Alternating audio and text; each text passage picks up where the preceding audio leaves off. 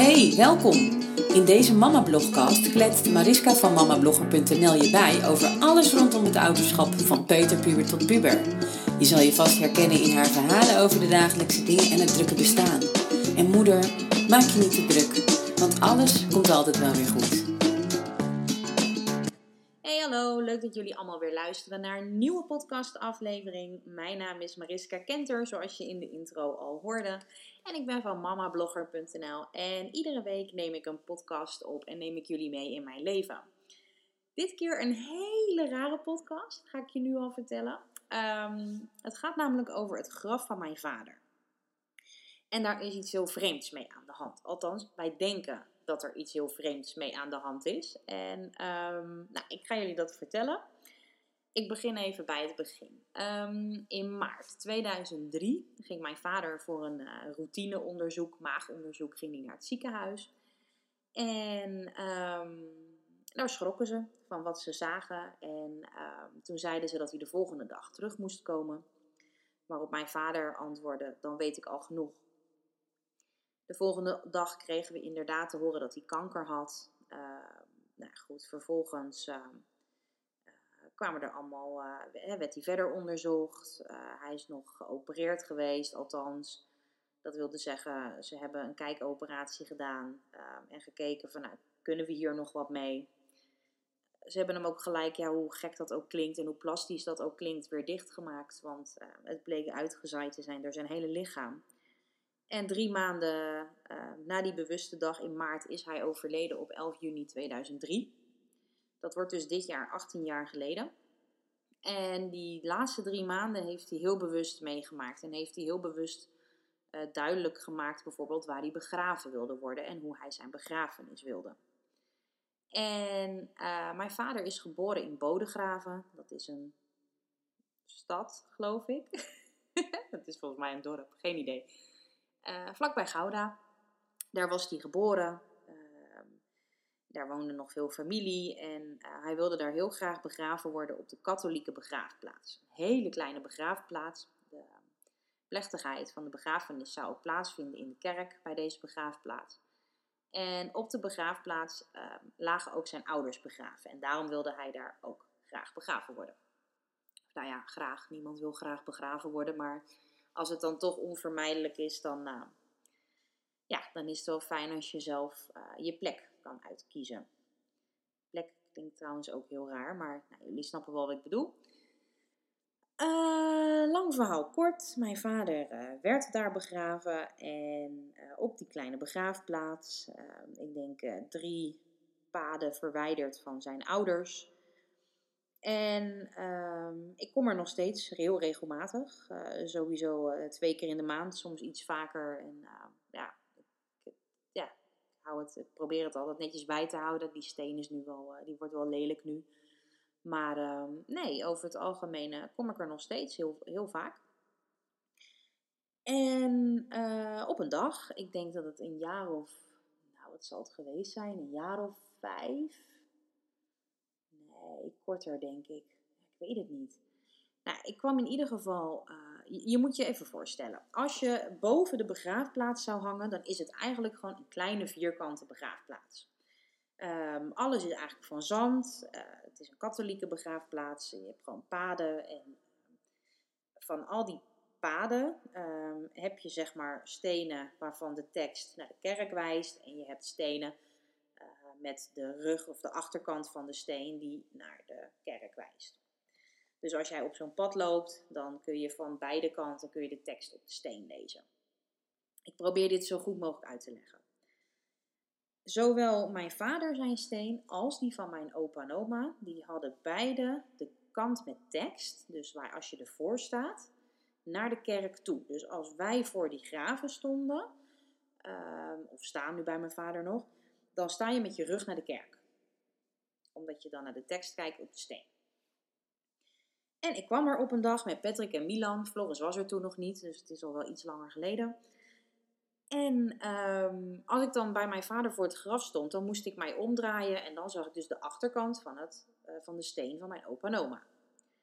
En ik draai mij dus op die bewuste dag om en ik zie niet de achterkant van de steen, ik zie de voorkant van de steen.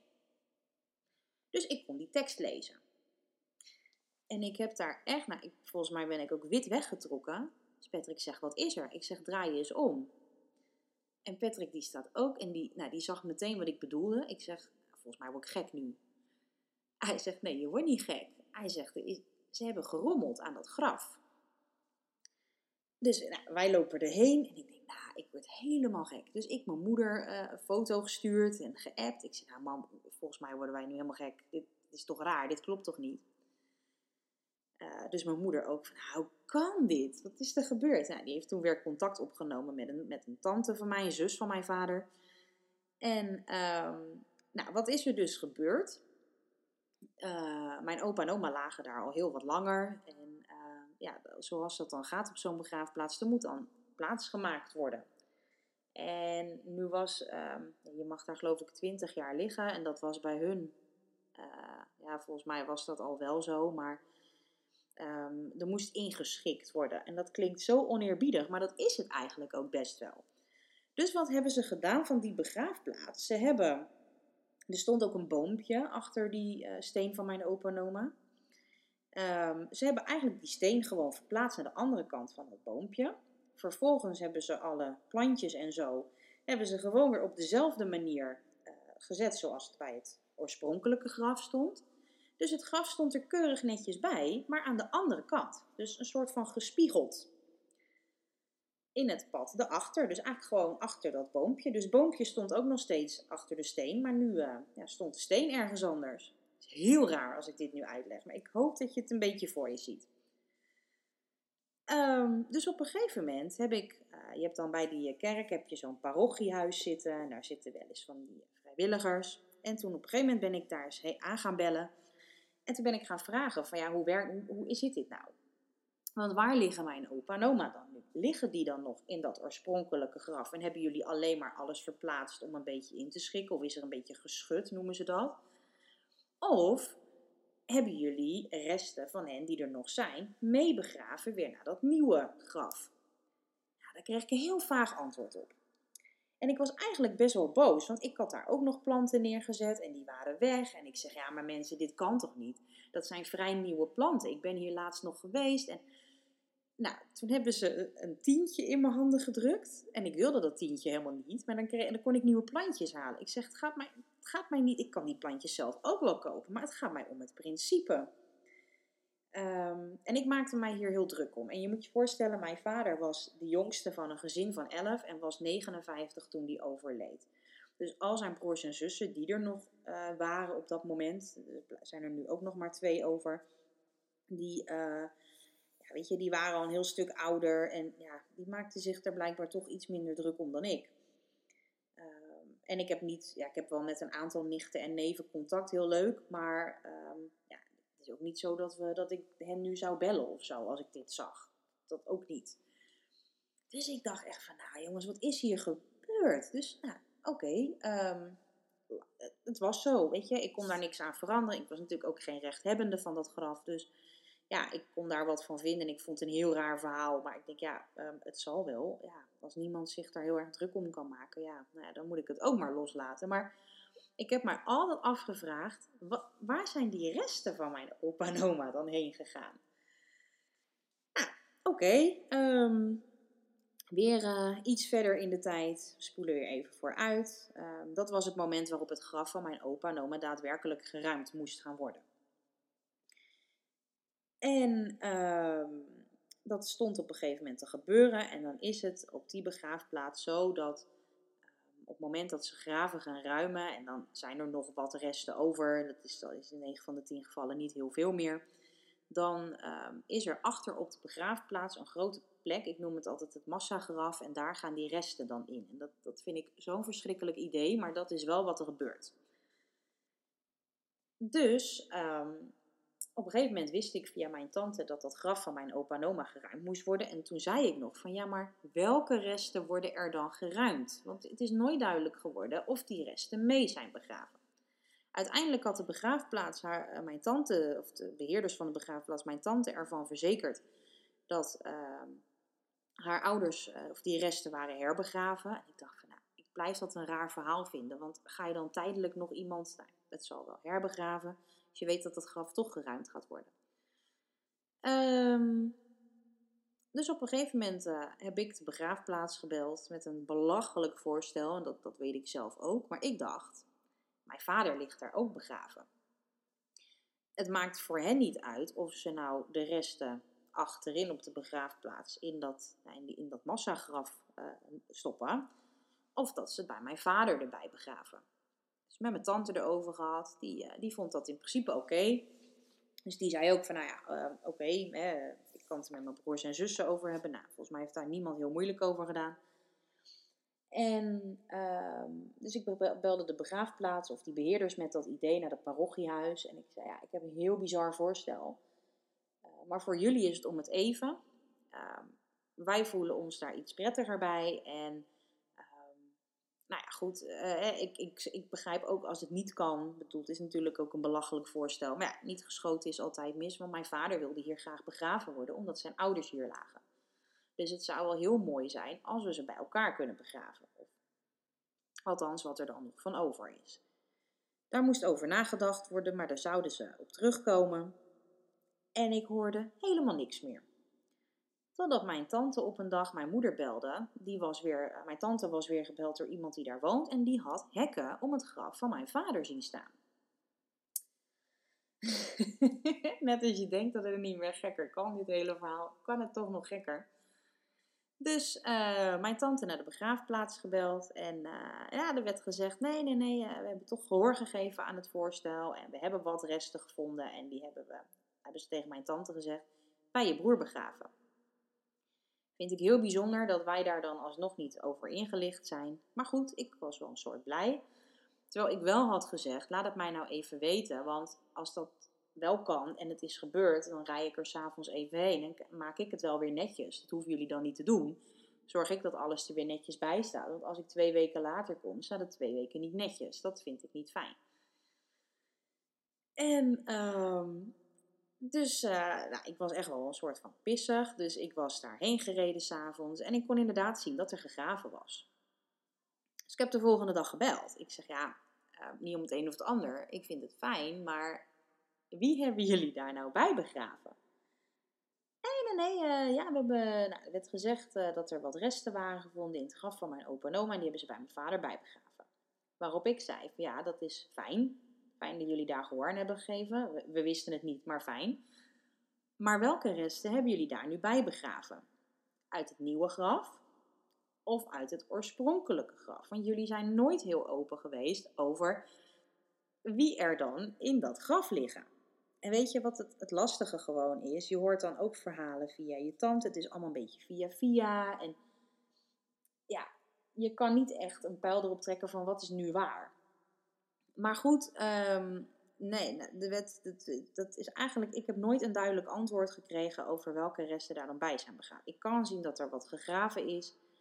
Um, maar ja, of ze daar nu ook daadwerkelijk iets hebben gedaan, ik heb echt geen flauw idee. En als ze wel wat hebben gedaan, en er zijn inderdaad resten bij begraven, van wie zijn die resten dan? Wat dat betekent dat ze dan twee keer resten van mijn opa en oma hebben opgegraven en hebben verplaatst. Dat is toch eigenlijk gewoon verschrikkelijk als dat daadwerkelijk zo is.